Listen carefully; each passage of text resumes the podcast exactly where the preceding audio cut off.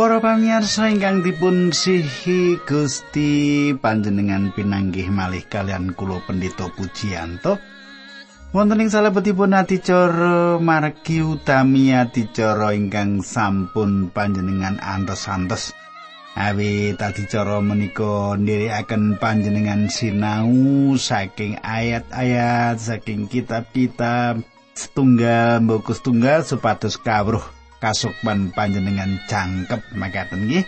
Nah, katang kula kula pendeta pujianto badhe sesarengan kalian panjenengan ing sawetawis wekdal menika sugeng midhangetaken adicara menika.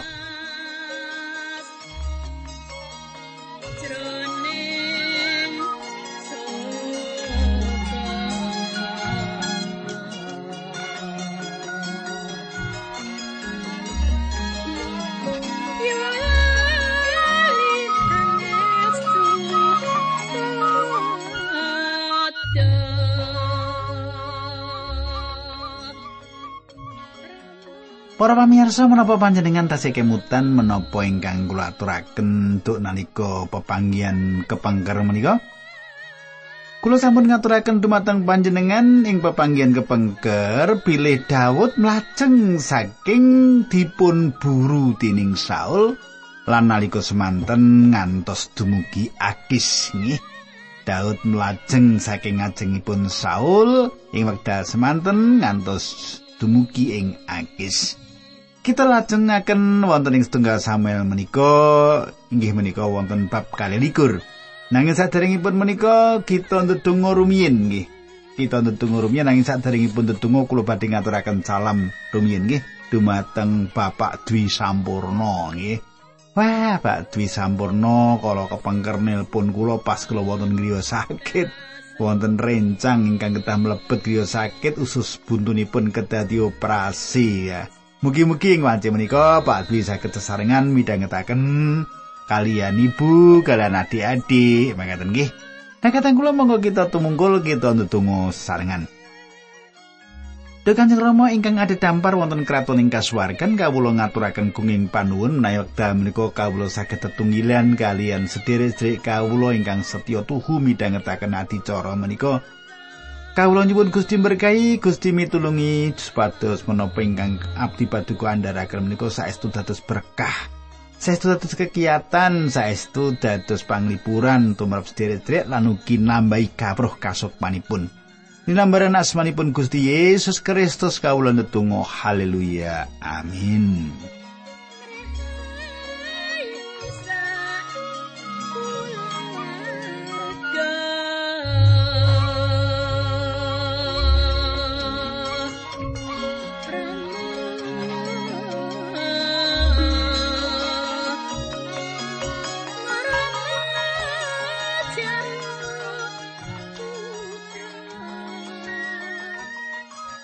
Para pamirsa samenika pasinaon kita sampun lumebet ing setunggal Samuel kalih likur. Nggih.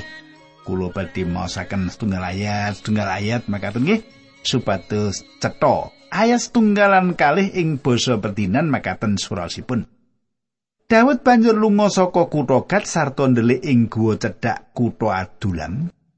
Nalika sedulur-dulure lan kabeh keluargane padha krungu yen Daud ana ing kono banjur padha marani mrono. Mengkono uga wong-wong sing padha ditindes sarta duwe utang mongko atine ora seneng padha kumpul karo Daud lan Daud sing dadi pemimpine sing melu Daud kabeh kira-kira ana wong patang atus. Para pamirsa satunggal bandingan ingkang ngidapi-dapi saged dipun tindakaken antawisipun Daud lan larinipun Daud ingkang agung. Inggih menika Gusti Yesus Kristus ing wekdal panjenenganipun dipun tampik ingkang kados makaten menika. Ing wekdal menika gesangipun Daud dipun bandingaken kalian kahananipun Gusti Yesus. Panjenengan lan kula saweg gesang wonten ing jaman ing pundi Gusti Yesus dipun tampik. Jagat sampun nampik Sang Kristus sami kalian Daud dipun tampik lan dipun buru kados dene kewan. Saul mengsahipun wonten ing Jawi lan mengsah kita iblis wonten ing Jawi ing wekdal menika. Daud saged sanjang pilih piyambakipun gesang ing antawisipun singa. Lan kita saged sanjang perkawis ingkang sami ing wekdal samenika. Ing jaman ingkang kados makaten menika Gusti Yesus Kristus nimbali medal saking jagat menika. Satunggalipun bangsa kagem asmanipun. Nimbali medal satunggalipun bangsa kagem asmanipun. Panjenenganipun nimbali tiang-tiang ingkang saweg kamomotan gesangipun. Ingkang saweg gadah utang lan tiang-tiang ingkang saweg cuwa ing gesangipun. Kateng kula kalebet panjenengan. Menawi samenika panjenengan kamomotan gesang panjenengan maneka werni coban maneka werni permasalahan ingkang panjenengan ora iso merantasi. Panjenengan gadah perkawis-perkawis ingkang panjenengan ora iso ngawekani. Panjenengan ugi kalebet tiyang ingkang dipun timbali mreneo Gusti nimbali tiang-tiang ingkang saweg kamomotan gesangipun ingkang saweg gadah utang lan tiang-tiang ingkang saweg cuwa ing gesangipun padha mrene. Kadang kula Daud sampun dangu medhot sesambetanipun kalian Saul. Kada tiang ingkang setya dumateng Saul nanging tiang-tiang menika tundhonipun melajeng saking Saul awit gesangipun wonten ing salebetipun bebaya. Kadah tiang ingkang mihak dumateng Daud lan gabung kalian piyambakipun menawi panjenengan katempuh kahanan ingkang boten adil ing jagat menika.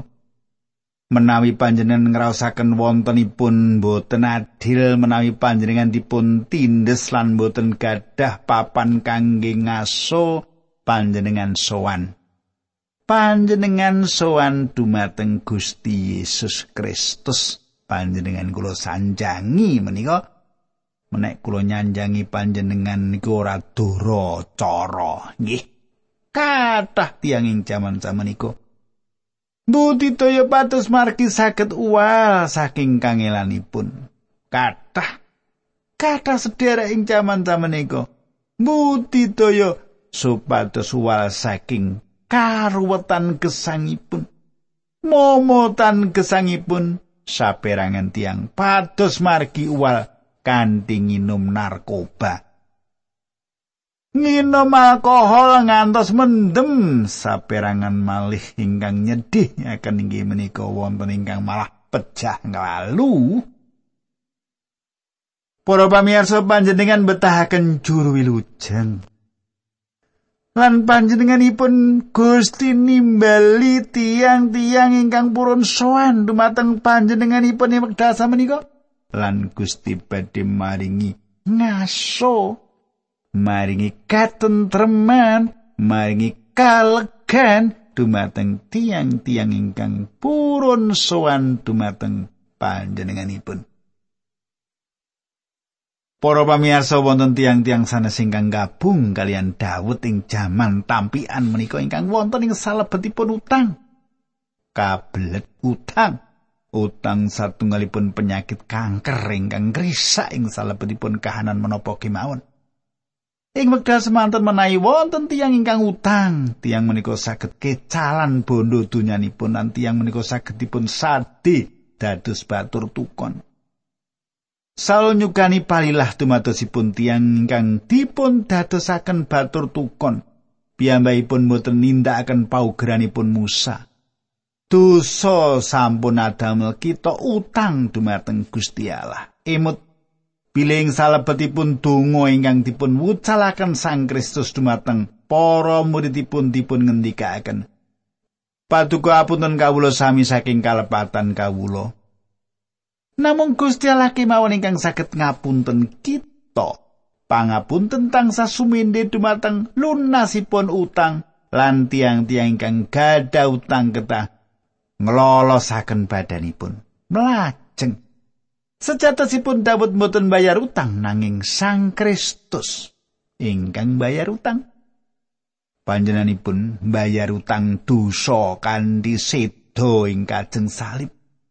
Panjenenganipun merdekaken kita inggih menika ingkang dipun tindakaken Gusti Yesus Kristus kangge panjenengan lan kula menawi panjenengan ngrumaosi bilih panjenengan gadah utang. Dumateng Gusti Allah lan boten gadah arto kangge lunasi utang panjenengan. Panjenenganipun badhe nglunasi utang panjenengan. Panjenengan saged melajeng dumateng panjenenganipun. Ngaup ngungsi dumateng panjenenganipun. Para pamirsa tiyang ingkang cuweng batini punugi dateng dumateng Daud. Aku tak gabung kowe ya, wot-wot gitu. Menika ateges bilih tiang-tiang menika ngrasaken keronto-rontoning manah, paiting manah, kahanan pengalaman gesang sampun andadosaken cuwaning manah tiang-tiang menika. Gesang badhe atamel panjenengan ngrasaken kerantarantaning manah kajawi panjenengan ningali astanipun Allah makarya. wonten Gusti Yesus ingkang panjenengan saged sowan ing wekdal samenika panjenenganipun ngendika padha mreneo kowe sing padha sayah merga mikul abet kowe bakal ndak parengake ngaso panjenengan saged nyemak Matius 11 ayat 23 Sahabat Tawis Daud wonten ing salebetipun bucalan nampi kawan atus tiang ingkang nanggel momotan melajeng saking utang lan cuwa ing manah. Saestu satunggalipun gambaran ingkang ngedapi-dapi ingkang dipun katinggalaken ing salebetipun saliranipun Gusti Yesus Kristus ing abad menika gegayutan jagat nampik panjenenganipun sawetawis panjenenganipun nimbali satunggalipun bangsa saking jagat ing salebetipun asmanipun Para pamirsa kita lajengaken setunggal Samuel bab 22 ayat 3 lan sekawan. Saka guwa kono Daud lunga menyang Mispa tanah Moab sarta matur marang raja ing Moab. Mugi kepareng bapa biyung kula nderek panjenengan ngantos kula ngertos menapa ingkang dipun kersakaken Allah tumrap kula.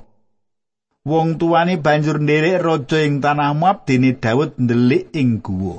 Para pamirsa, kasunyatan bilih Daud nilaraken tanah Israel lan kisah dateng Moab nedahaken bilih piyambakipun saestu-estu ajrih.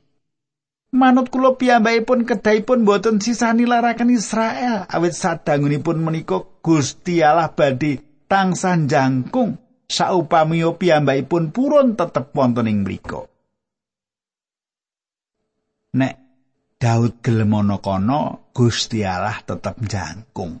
Nggih, ora sah mlayu nyandinti. Nanging monggo kita semak selajengipun ayat gangsal ngantos ayat 8. Ing sawijining dina ana nabi sing jenenge Gad sowan Daud lan matur sampun to. Tetep wonten ing guwa menika kula atur enggal-enggal bidal dateng tanah Yehuda, Daud banjur lunga sarta mlebu ing alas keret. Ing sawijining dina Saul lagi linggih ana ing sangisoring wit Tamariska ing sakndhuwuring gunung ing Gibea Saul nyekel tombak dene para pangareping prajurit padha ngadeg ing sandingi nalika Saul krungu yen Daud lan para prajurit wis kawruhan papane banjur ngucap marang para pangarep mau rungokno he wong-wong Benyamin apa Daud bakal menehi tegalan lan kebun anggur apa kowe bakal padha diangkat dadi pangareping prajurit?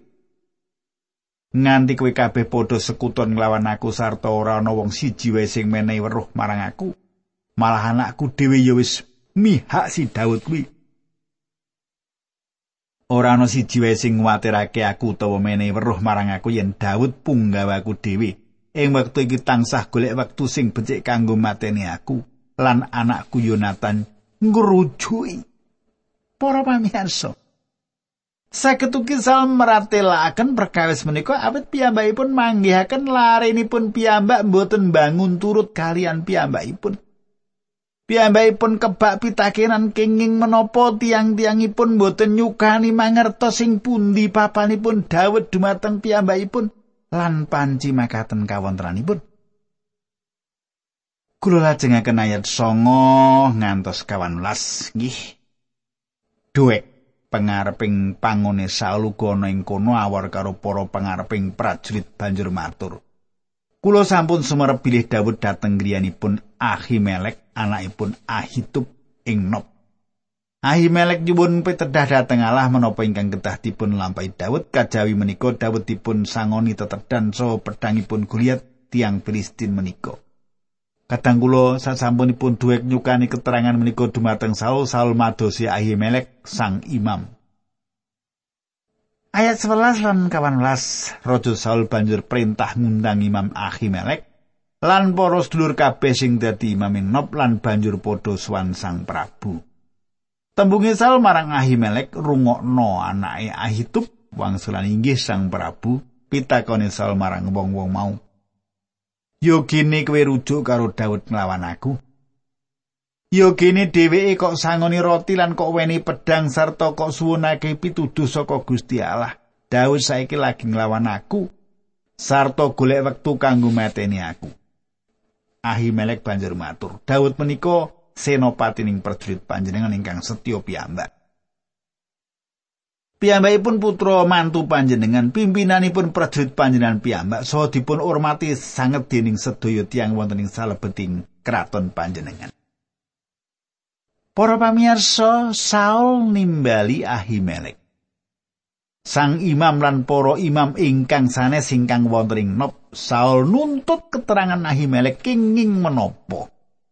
Piyambakipun mitulungi Daud mlajeng saking piyambakipun imam ngaturi jawaban ingkang jujur dumateng sang raja. Imam kalau gadah pamrih ingkang jujur lan babar pindah mboten mangertos bilih Daud mboten jujur dumateng piyambakipun.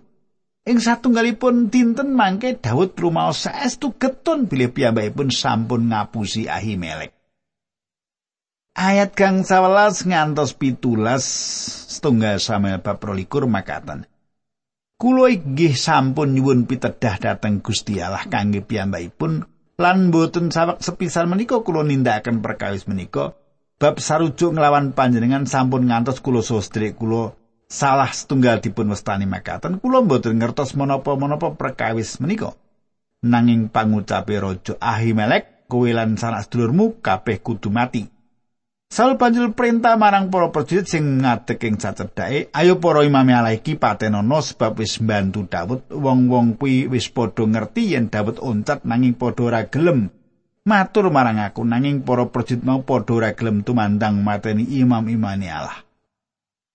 Kadang kula ing salebetipun kanepsanipun Saul mboten miringaken alasan menika, nanging nyukani perintah dumateng para pelayanipun supados mejahi para imam. Para pelayan menika mangu-mangu nindakaken perintah menika nanging Saul sampun kebanjur wonten ing salebetipun pambalela lan dosanipun kanthi mekaten piyambakipun boten saged dipun sandet melih. Dados piyambakipun nyukani perintah dumateng Doeg nindakaken tugas coba menika kangge piyambakipun. Ayat 18. Mulane Saul perintah marang Doeg, ayo kowe wae sing mateni wong-wong kuwi. Duik banjur maju lan mateni imam-imam mau. Sedina kuwi dhewe mateni wong 85 ya ki para imam sing duweni hak nggawa efod. Kadang kula patrap makaten menika satunggali patrap piawon kriminal ingkang boten bain-bain lan gegirisi. Menawi saderengipun Gusti Allah dereng nampik ing wekdal manten Gusti Allah badhe nampik piyambakipun wekdal samenika. Ayat 19. Saliya perintah supaya kabeh wong enop padha dipateni wong lanang wadon bocah-bocah lan bayi uga sapi kuldi lan wedhus gemil kabeh kudu dirampas. Para pamirsa, raos panalongso lan pambales pangikit-ikit sal menika gegirisi. Panalongso mana inggih menika satunggalipun ingkang perlu kita waspada ing wekdal menika. Ibrani 12 kang 11 meratelaken padha diawas.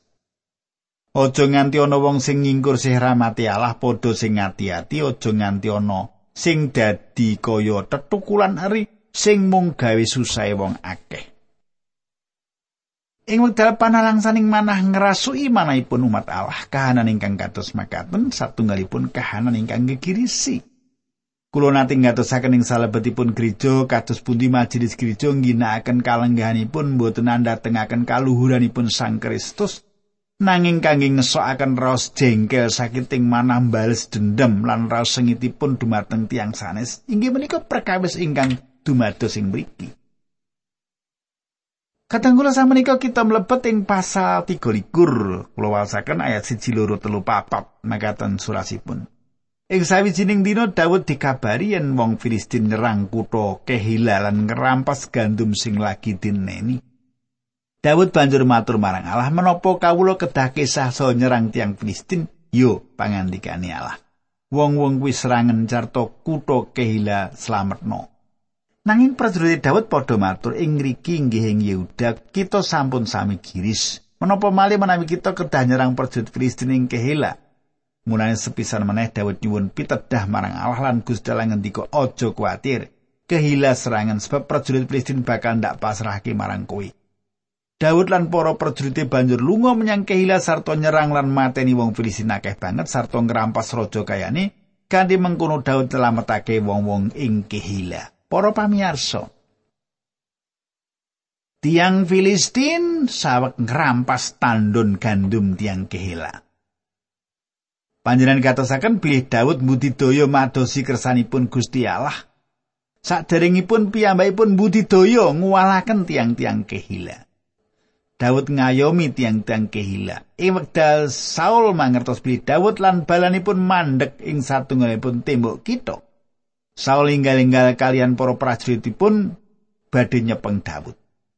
Sepindah malih Daud nyuwun pirsa dumateng Gusti menapa ingkang kedah dipun tindakaken Gusti ngimutaken supados mlajeng awit tiang-tiang kehila mboten badhe ngayomi awit saking seranganipun Saul. Sinau piyambakipun sampun mitulungi tiang-tiang menika.